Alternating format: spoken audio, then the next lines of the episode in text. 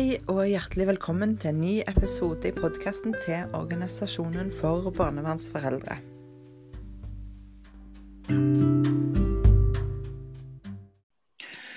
Hei. I dag er det Renate og Ina. Og i dag skal vi snakke litt om barn i fosterhjemmet og hvordan vi kan hjelpe på sidelinja. Mm. Um, hvordan, hvordan kan vi være hvordan, Altså, reaksjoner er jo noe som ofte blir veldig brukt eh, for vi foreldre ikke kan eh, Sånn at hvordan kan vi hjelpe da barnet i forhold til disse reaksjonene? I tillegg til når vi ikke har lov å snakke om saken til barnet.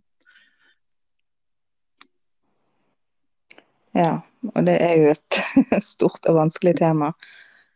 Ja. Det er det. Ja, har du noen første innspill sjøl? Jo, altså, der er jo eh, jeg, jeg, er jo i kontakt med opptil flere fosterforeldre eh, der, eh, der de kjemper kampen sammen med foreldrene for å få en hel unge, som de sier.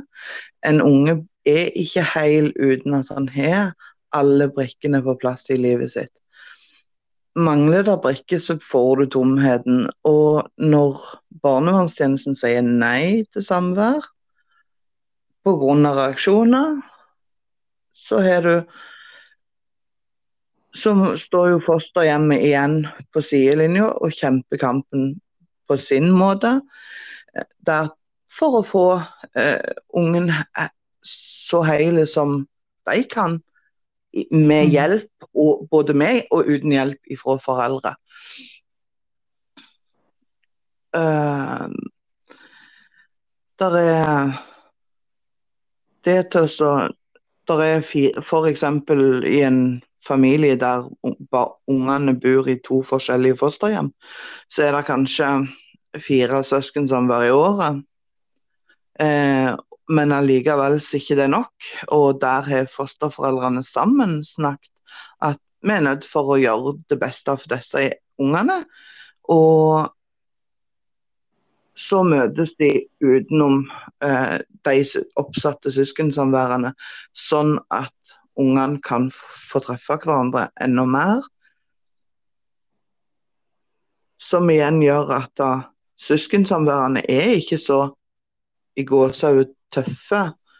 Mm. Eh, og harde og vonde og vanskelige for ungene. For da får de plutselig treffe de mer. Reaksjonene går ned. Ja. Og, så. Ja, snakk du. ja. Så det er liksom der er, der er um, Og så har du de fosterforeldrene som faktisk virkelig gjør det beste for, for ungene.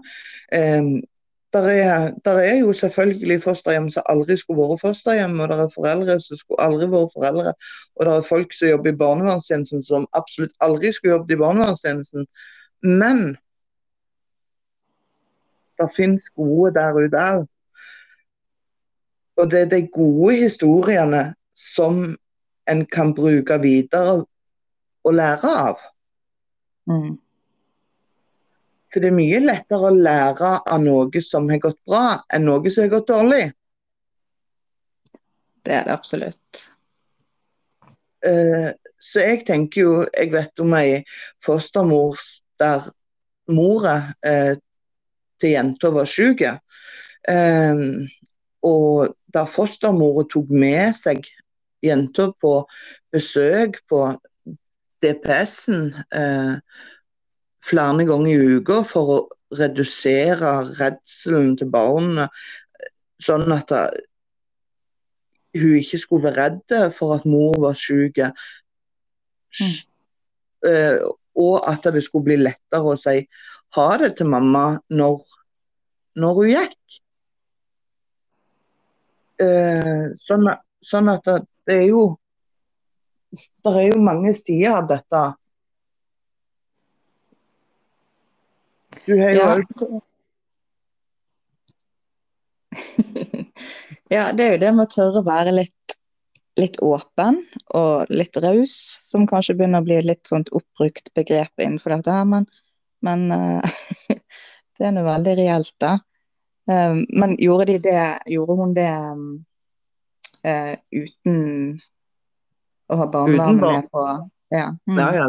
De, de ville i grunnen ikke at hun skulle gjøre dette, uh, men hun så at det var til det beste for jentungen. Mm.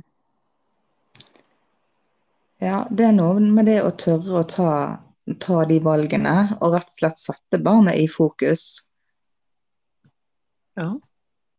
Og det å tenke ut forbi boksen, det er ikke alltid at no, når ungene da har reaksjoner etter samvær når de ser foreldrene eller søsken to til fire til seks ganger i året, at det faktisk er eh, for lite samvær som er grunnen, og ikke alltid at det er for mye. Mm. Ja, vi har jo hørt eh, eksempler på det også, der eh, reaksjoner har gitt seg når det har kommet mer samvær til. Ja, det ja. Altså, det kan like godt være Det kan like godt gå i den retningen som den andre, tenker jeg. Det er derfor Ja. verdt, å, verdt å forsøke.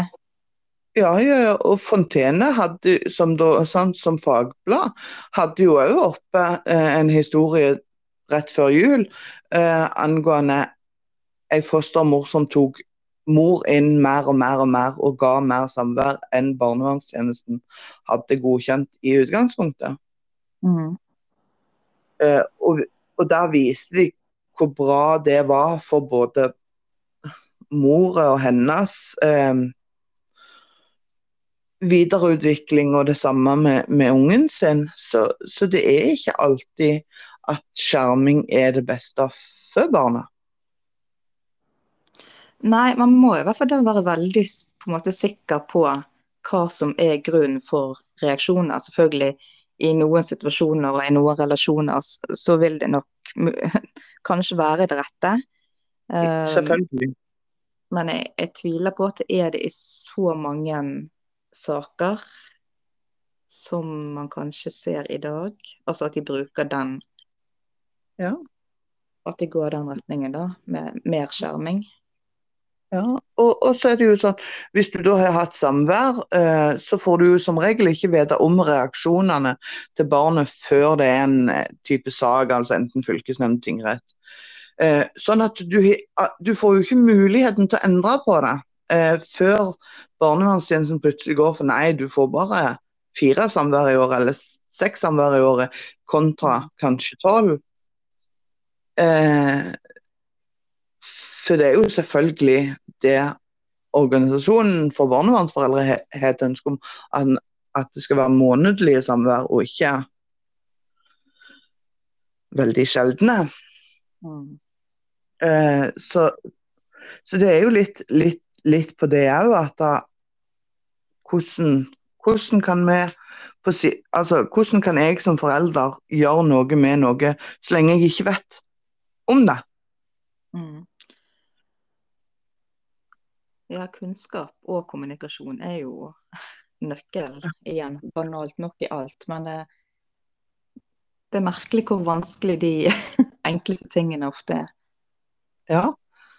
Eh, jeg liker Rema 1000 sitt eh, 'det enkle er ofte det beste'. Altså Hadde vi bare kunnet snakke sammen litt enklere, så kunne det vært løst. Mm. Uten at piggene er ute, uten å være mistenksomme. Ja. Mm. Nei, jeg tror det hadde løst, løst mye. Ja. Og jeg tror det hadde gjort veldig godt for ungene. Absolutt. Altså, OK, eh, det at jeg tar f.eks. Eh, mye bilder på et samvær, eh, gjør at min unge får reaksjoner, f.eks. Mm. Mm.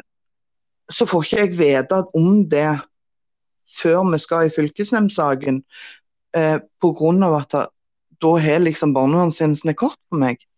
Mm. Eh, Istedenfor å si ifra med en gang at de får vite dette. Eh, ungen får reaksjoner for du tar bilder, kan du være så snill å ikke gjøre det? Mm. Eh, kan, kan du finne en annen måte til å ta de bildene på? Eh, altså Det til å prøve å finne en løsning er så veldig vanskelig. Ja, man er Man er jo avhengig av, som du sier, å få vite. Og Ja. det er noe med dette med både forventninger og Ja, hva skal jeg si? Forventninger og forståelse. At det, det blir litt sånn Det er litt krasj der innimellom, føler jeg. Um, for det ligger mye forventninger til oss foreldre, og så mangler det en god del på forståelsen av hvordan situasjonen er for oss. Um, jeg føler ofte det er der det blir en liten krasj. Ja. Jeg er ikke uenig med deg. Det, Men ja, nei, for, for, for sånn, altså enkelte, enkelte fosterhjem gjør alt for ungen. Kjempe Går i eh, Ja, nei, du, du får ikke ha samvær med jul. Eh, jo, men med jul. Så enkelt er det. Nei, mm, mor skal ikke ha samvær med jul, sier barnevernstjenesten. Jo, det skal mm, Det er ikke sant? Altså, å virke, altså, det er fosterforeldre som faktisk tar kampen for oss òg. Eh, og det, de må vi heller ikke glemme. Og vi som foreldre, jeg tenker iallfall at hadde det vært min fostermor, så hadde, tror jeg jeg hadde vært enormt raus overfor henne. mm, Med tanke på hva hun Altså hva det gjør for deg. For sant, du har igjen de som der fosterforeldrene lyver i fylkesnemnda og sier at ja, ungen har reaksjoner i fire, fem, seks dager etter samvær. Og så kommer eh, veilederen i fosterhjemmet inn etterpå og vitner, og da forteller veilederen at nei, reaksjoner er én til to dager etterpå. mm. Eh, hvordan kan jeg da forholde meg til dette? Altså, hva, hva kan jeg gjøre for å bedre de reaksjonene? Hva kan vi sammen gjøre, både meg, fosterforeldrene, barnevernstjenesten? Det må nå kunne gå an å legge piggene ifra seg på gangen og så gå inn på et kontor og snakke sammen. Mm. Ja, har virka Men sant, igjen, jeg vet ikke om ting blir om, om ting blir skakkjørt helt fra starten av, eller om det er noe som eh, utvikler seg underveis. Det kan nok være litt begge deler. Um, men av og til så Jeg har sjøl sittet i møter eller møtt nye saksbehandlere i barnevernet hvor jeg har hatt en veldig god relasjon til alle hele veien. Og så kommer dette ene mennesket inn og møter meg med en sånn Deg må jeg sette på plass-holdning. Sant? Og da tenker jeg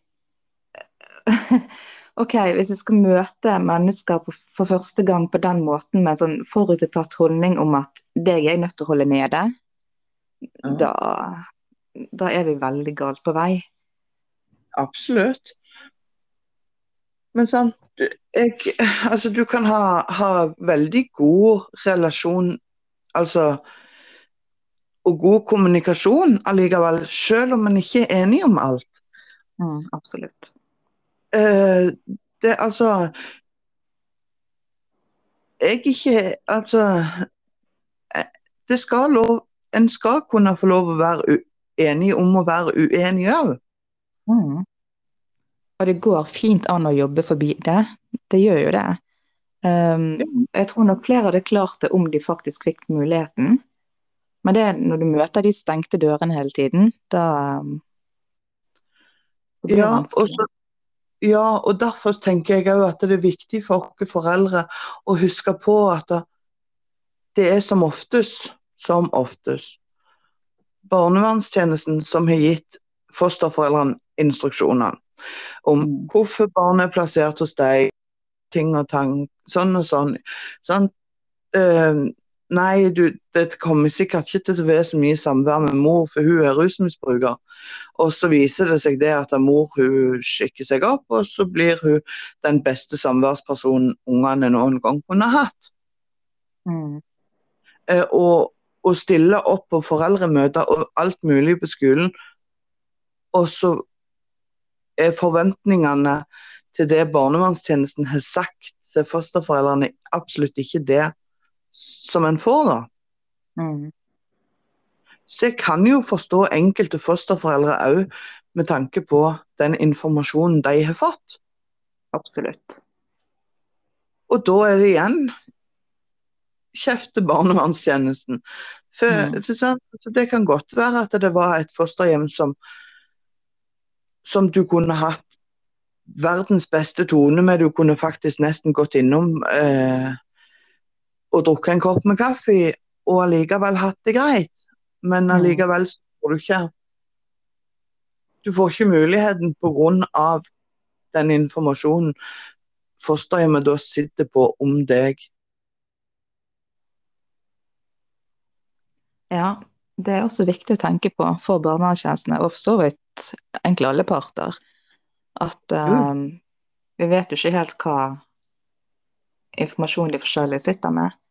Og så er det viktig Nei. det du sa i, i starten nå, at um, vi foreldre må også ha det med oss at um, fosterforeldrene bestemmer jo i liten, veldig liten grad sjøl, egentlig. Ja. Ehm, så det greit, man kan nok møte og føle på at kjemi og sånt ikke er der, men um, jeg tenker vi må huske litt på at vi er litt sårbare og føler oss litt truet av å ta de, og ta det med i beregningen når, når vi evalu evaluerer møtene våre med de. Ehm, Ja, for de Eh, er jo godkjente. Det er ikke vi. Vi er uskikka, de er godkjente. mm, Og det betyr betyr at så, så, så sånn sett så blir jo de en konkurrent. Mm. Ja, det er nok en veldig naturlig tankegang. Jeg husker jeg bestemte meg veldig tidlig for når det ble besluttet at min datter skulle flyttes, at um, jeg skal prøve for harde livet og ikke på en måte legge noe negativt på fosterhjemmet. Altså, de er satt til å gjøre denne jobben, punktum. Um, og det har selvfølgelig vært litt sånn opp og ned. Det har vært en prosess det hele. Um, jeg har nok vært veldig heldig med mine jeg sier mine fosterforeldre. Um, Ja. Som nok har vært Jeg føler at de er sånn, sånn prototypen på hva, hva et fosterhjem burde være. Um, Ja. Så veldig takknemlig for de som, uh, som har stått opp for både meg og relasjonen vår og alt. Så all ære til de for det. Jo, jo Men sant. Og det er jo det vi sier, altså det finnes, veld, det finnes veldig gode fosterhjemmer. Mm. Det gjør det. Men så klarer jo de heller ikke den biten alene. Altså, barnevernstjenesten må jo til en viss grad være med, og de må jo også tørre å gi um, relasjonen mellom foreldre og fosterhjemmet en sjanse. Og vi Ja. som foreldre må tørre det samme. Ja. Mm. Og, og det som holdt jeg på å si, jeg ble litt sjokkert over i forhold til det oppropet som OBF har, lagt ut eh, med tanke på høringen i morgen, eh, så må jeg jo si det at når jeg så navnene på så mange fosterforeldre Mm. på den lista, så ble jeg litt sånn Dere er jo faktisk enige med oss. Mm. Vi står ikke så langt ifra hverandre allikevel. Nei, jeg tror egentlig ikke vi gjør det sånn i det store bildet. Det er jo barna det handler om. Og klart, sant, småting kan vi alltid være uenige om, det har jeg også vært og kommer sikkert fremdeles til å være. Men ja, det større bildet her er jo det som er viktig. Og så, er det, og, så tenker jeg litt sånn Ja, for, eh, fosterforeldrene de er godkjente eh, til å ha eh, barn plassert hos deg. Det syns jeg er veldig bra. At de ungene som trenger hjelp, kan få hjelp. Mm. Men det er ikke bare til å plassere de der og tenke ja, ja, så, så var det det. Eh, når da ungen har reaksjoner, så må jo barnevernstjenesten på banen. De, Mm. altså, her må vi inn. Jeg tenker jo det at hvis jeg hadde fått lov å spørre jentungen min f.eks. hva er det som gjør at det er så vanskelig etter mamma reiser? Eh, og bare fått lov å spørre det spørsmålet som gjør Nei, for det er så lenge, vondt for det er så lenge til neste gang, f.eks. Mm. For det vet jeg andre unger har har sagt. Eh, så går det jo an å gjøre det sånn at det går faktisk an å dele opp samværene med tanke på mengde istedenfor lengde. Mm. Uh, Istedenfor seks timer uh, seks ganger i året, uh, så kunne du hatt tre timer tolv ganger i året, Mm. for eksempel. Og da er du jo igjen da er det mye enklere å si ha det til mamma. Ungen får ikke de reaksjonene nødvendigvis etter at, at du reiser. Mm. Så det er jo Det til å tåre å tenke litt utenfor boksen, det til å kunne Og så er det jo òg sånn som den saken i Fontene, der Altså, det til å eh, invitere foreldrene inn til å ha enda mer samvær. Eh, og trosse barnevernstjenesten. Kanskje ikke noe å, å oppfordre noen til å gjøre, men det er kanskje en oppfordring til barnevernstjenesten å tenke at OK, kanskje ja, fosterforeldre få litt mer handlingsrom. Mm. Uh, Ja. Det er jo de som er med barna i det daglige, og Ja. sånn sett egentlig står best til å vurdere hva som skjer. Og klart, feiler man, så, så er det jo Jeg skal ikke si bare til å gjøre om på det, men um, Eller jo, det er jo det. Men klart, man må ikke pushe det for langt. Men jeg tenker jo at det i veldig mange saker så er det verdt å prøve. ja. Mm.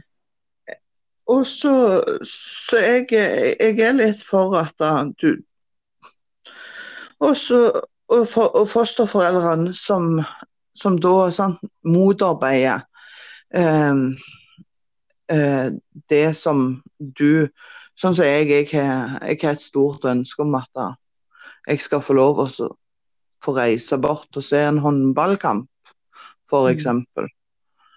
Eh, jeg forstår ikke hvorfor det skal være så mye å jobbe imot. Mm. Det til å sitte i en idrettshall eller en svær konsertsal eh, og sitte og se på ungen opptre. Jeg forstår ikke hvorfor foreldre skal holdes så langt vekke. Nei, så lenge barnet ønsker det sjøl, så bør det absolutt vurderes. Ja, og, og si, si når, når eh, i, altså, Vi har jo forskjellige regler i, i alle familier. Noen familier der er det sånn at du får telefon når du blir seks år og Mm. begynner på skolen. Noen familier der er det sånn at du får ikke telefon før du er ti år. Mm. Og for alt i verden, det er opp til hver enkelt. Jeg skal ikke blande meg i hva, hva regler sånn de har, men jeg er veldig opp for at min, så lenge min unge bor i et fosterhjem der det er andre unger, så skal min unge følge de samme reglene som de andre. For det skal ikke være forskjellsbehandling på det. Mm. Bare pga. mitt barn er fosterhjem, altså bor i fosterhjem og, og kan få kanskje klær, eh, og bare gå og plukke og peke og velge det dyreste. Moteklær og alt sånt, som, som gjør plutselig at da, Nei, jeg skal iallfall ikke tilbake igjen til mamma, for der fikk jeg jo ikke, der fikk jeg jo kubus og Big Bock-klær. Men nå får jeg jo Adidas og Jeg vet ikke, jeg. Som så- hva er helt til på mote akkurat nå. Men sant, altså, det skal ikke være sånn at det skal være så store eh, Mener jo jeg, da. At, at, det skal være så store forskjeller på det, den hun, hu da som er eh, Og når hun da fikk telefon som tiåring og spurte om hun kunne få lov å få nummeret til meg og, og søsteren, og da fikk et nei på det, så, så kjenner jeg jo på det at nei. Men vi har jo ikke eh, Vi har jo ikke Hva heter det sånn Ikke Begrensninger med, eh, på, på, på Mm. telefon og på, Mm. på telefonkontakt. Men, eh, men allikevel så får hun nei. eh, Hun får ikke lov å ha telefonnummeret. Mm. Eh, jeg er blitt fortalt at hun kan si til fostermor at kan låne hennes telefon, men eh, når jeg da spurte om jeg kunne få eh, en telefonsamtale pga. et samvær som utgår, eller som har blitt flytta eh, pga. en konfirmasjon, eh, så tenker jo jeg det at, det er viktigere å opprettholde kontakten. Så, men, men det får, får vi til til å gå gjennom fostermors sin telefon, da. Eh, ikke snakk om at jeg får ha på hennes telefon. Nei, det blir jo litt merkelig igjen. Det blir jo det er jo en sånn typisk situasjon der man kan tenke Altså, hva er poenget? Ja. Hvorfor? Ja. Hva galt skulle det gjøre? Altså, for her er jo det snakk om Så lenge det er snakk om barn som på en måte er godt integrert i, sitt nye liv og på en måte er trygg på hvem de er og hvorfor og hvordan, altså i situasjonen, så, så tviler jeg på at ekstra kontakt med mor eller foreldre generelt, eller søsken for den saks skyld, at det vil være noe spesielt negativt. Men hvis det sant, kunne hatt en snap, for eksempel, eller MMS-er mellom. Og, og da kunne kanskje det gapet som er mellom foreldre og barn i fosterhjem, det kunne blitt mindre. Ja. Og det har med det å bety at da kunne, hun da kunne jeg òg tatt et bilde tilbake igjen og sendt av en kjedelig middag, eller at uh, jeg satt ute og solte meg, eller at jeg så på Mm. TV. Altså dagligdags gjør det altså kontakten sånn at ungene For hun lurer jo hele veien, hun vil jo hele veien vite hva jeg gjør. Mm. Ja, jeg tenker at den type kontrakt altså Det virker så lite, men det betyr så utrolig mye. For det er en Ja. tilkobling på hverdagen oss imellom. Um, jeg har jo heldigvis den muligheten sjøl og har hatt det hele tiden. Uh, min var jo da 11 når hun ble plassert. Um, og klart, sånn i starten er det litt vanskelig kanskje å finne en balansegang eh, på hva er for mye og hva er for lite. Eh, vi har gjort Mm. det sånn at, at det er hun som på en måte i starten at det var hun som kontaktet meg. eh, for at ikke det skulle bli noe sånn Mm. Anmasende fra meg, eller at jeg skulle plutselig komme med et lyd når hun f.eks. endelig tenkte på noe annet, eller ja, sånne ting. Uh, jeg tenker at den finner man ganske raskt ut av. Uh, Ja. Men det, det er noe med den linken i hverdagslivet, og som du sier, at man kanskje kan slippe bekymringer, eller eh, ja, man er rett og slett mer til stede i hverandres liv. Ja. Selv om det bare er en tullete liten snap, så, så er det hyggelig å få de innblikkene, i stedet for bare ingenting. Ja. Og jeg tenker jo sånn Noe av det første vi jenter gjør, det er jo til å bla gjennom bildene på telefonen min. Um, for å se hva jeg har gjort siden sist. Mm. Ja, og det forteller jo egentlig noe om ønsket og Behov. behovet om å, ja, å være en del av, av hverdagen. Så, så derfor tenker jo jeg det at det hadde jo vært fint hvis vi snart kunne ja, vært litt rausere, vært litt mer åpne, vært litt mer OK, vi prøver, vi legger til det nummeret, og hvis ikke, så bare fjerner vi det igjen hvis det ble for gale. Altså, Mm. det er så mye vi kan gjøre. Ja, og det er ting som ikke koster noe særlig å gjøre heller. Nei, altså, eh, holdt jeg på å si, når jeg var liten, da måtte du jo huske telefonnumrene i hodet, eller så sto de nedskrevet inn i en sånn en gammel eh, Og så hadde du telefonkatalogen for alt i verden, men du ville jo ikke bla gjennom de 500 sidene for å finne nummeret til Karina, sant? Det Eller til Katrine på, på der. Sant? Altså det, det, det var liksom du, du husker de telefonnumrene til de venninnene du hadde. Mm. Uh, og da Og da er det sånn at det, det er ikke sånn lenger. For telefonene våre husker alt for oss. Mm. Og det at jeg fått, kunne fortelle når lillesøstera hennes hadde bursdag på farens side, hun ble jo helt i lykke. Og, og måtte skrive det inn på kalenderen på telefonen sin, for hun var så glad at nå visste hun når lillesøster hadde bursdag. Mm. Eh,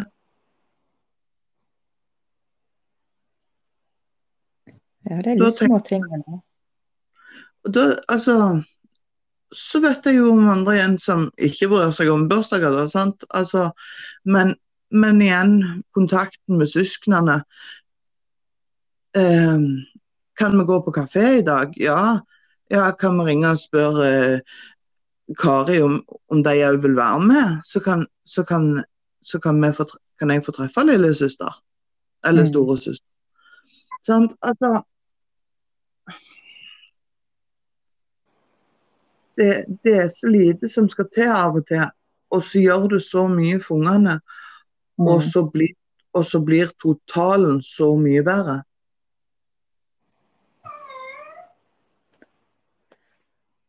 Ja, akkurat som jeg var bak. ja. Um, ja.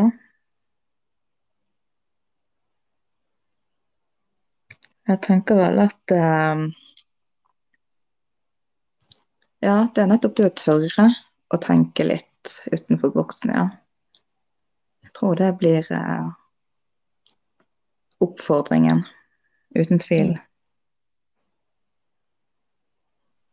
Og så tenker jeg òg at det hadde vært fint hvis òg foreldre torde å tenke litt ut forbi boksen, selvfølgelig. Mm. Men det er en jobb de har tatt på seg, det er et barn de har på lån. Eh, noen gjør en så fantastisk jobb med å inkludere dem i storfamilien sin og alt, men det betyr, det betyr ikke at de ikke har en annen familie. De har tanter, onkler, besteforeldre, oldeforeldre i, i sin familie òg. Mm. Mm. Så nei. Nå har vi vel snakket nok for i dag, har vi ikke det, Stine? Jo, kanskje det. Kanskje vi skal ha oppfordringen at vær litt mer åpen, vær litt rausere. Ja, jeg tror eh, det jeg sitter igjen med nå, er rett og slett å tørre. Mm. Jeg tror det er et godt utgangspunkt. Å tørre å tenke om kan vi gjøre noe annerledes? Gjør det, Ja. altså Tror vi bare at dette kan gjøre skade, eller vet vi det? Ok, Hvis ikke vi vet det, men bare tror det, skal vi da kanskje tørre i stedet? Um, Ja. Og igjen de småtingene som nevnte i sted, at ja, Snapchat og sosiale medier og sånt, det er ikke nødvendig. Altså, det blir ikke nødvendigvis sånn kjempestort påtrykk. Det er bare noe med det å ha den lille kontakten i hverdagen. Ja. Um, Ja, absolutt. Ja. Så sier vi takk for i dag. Og Ja. oppfordringen blir våg. Våg å være, våg å prøve, våg å Ja. Mm. Rett og slett. Mm. Våg. Våg å tenke utenfor boksen. Ja. Mm. Det er godt. Ha en fin dag. Right. Det.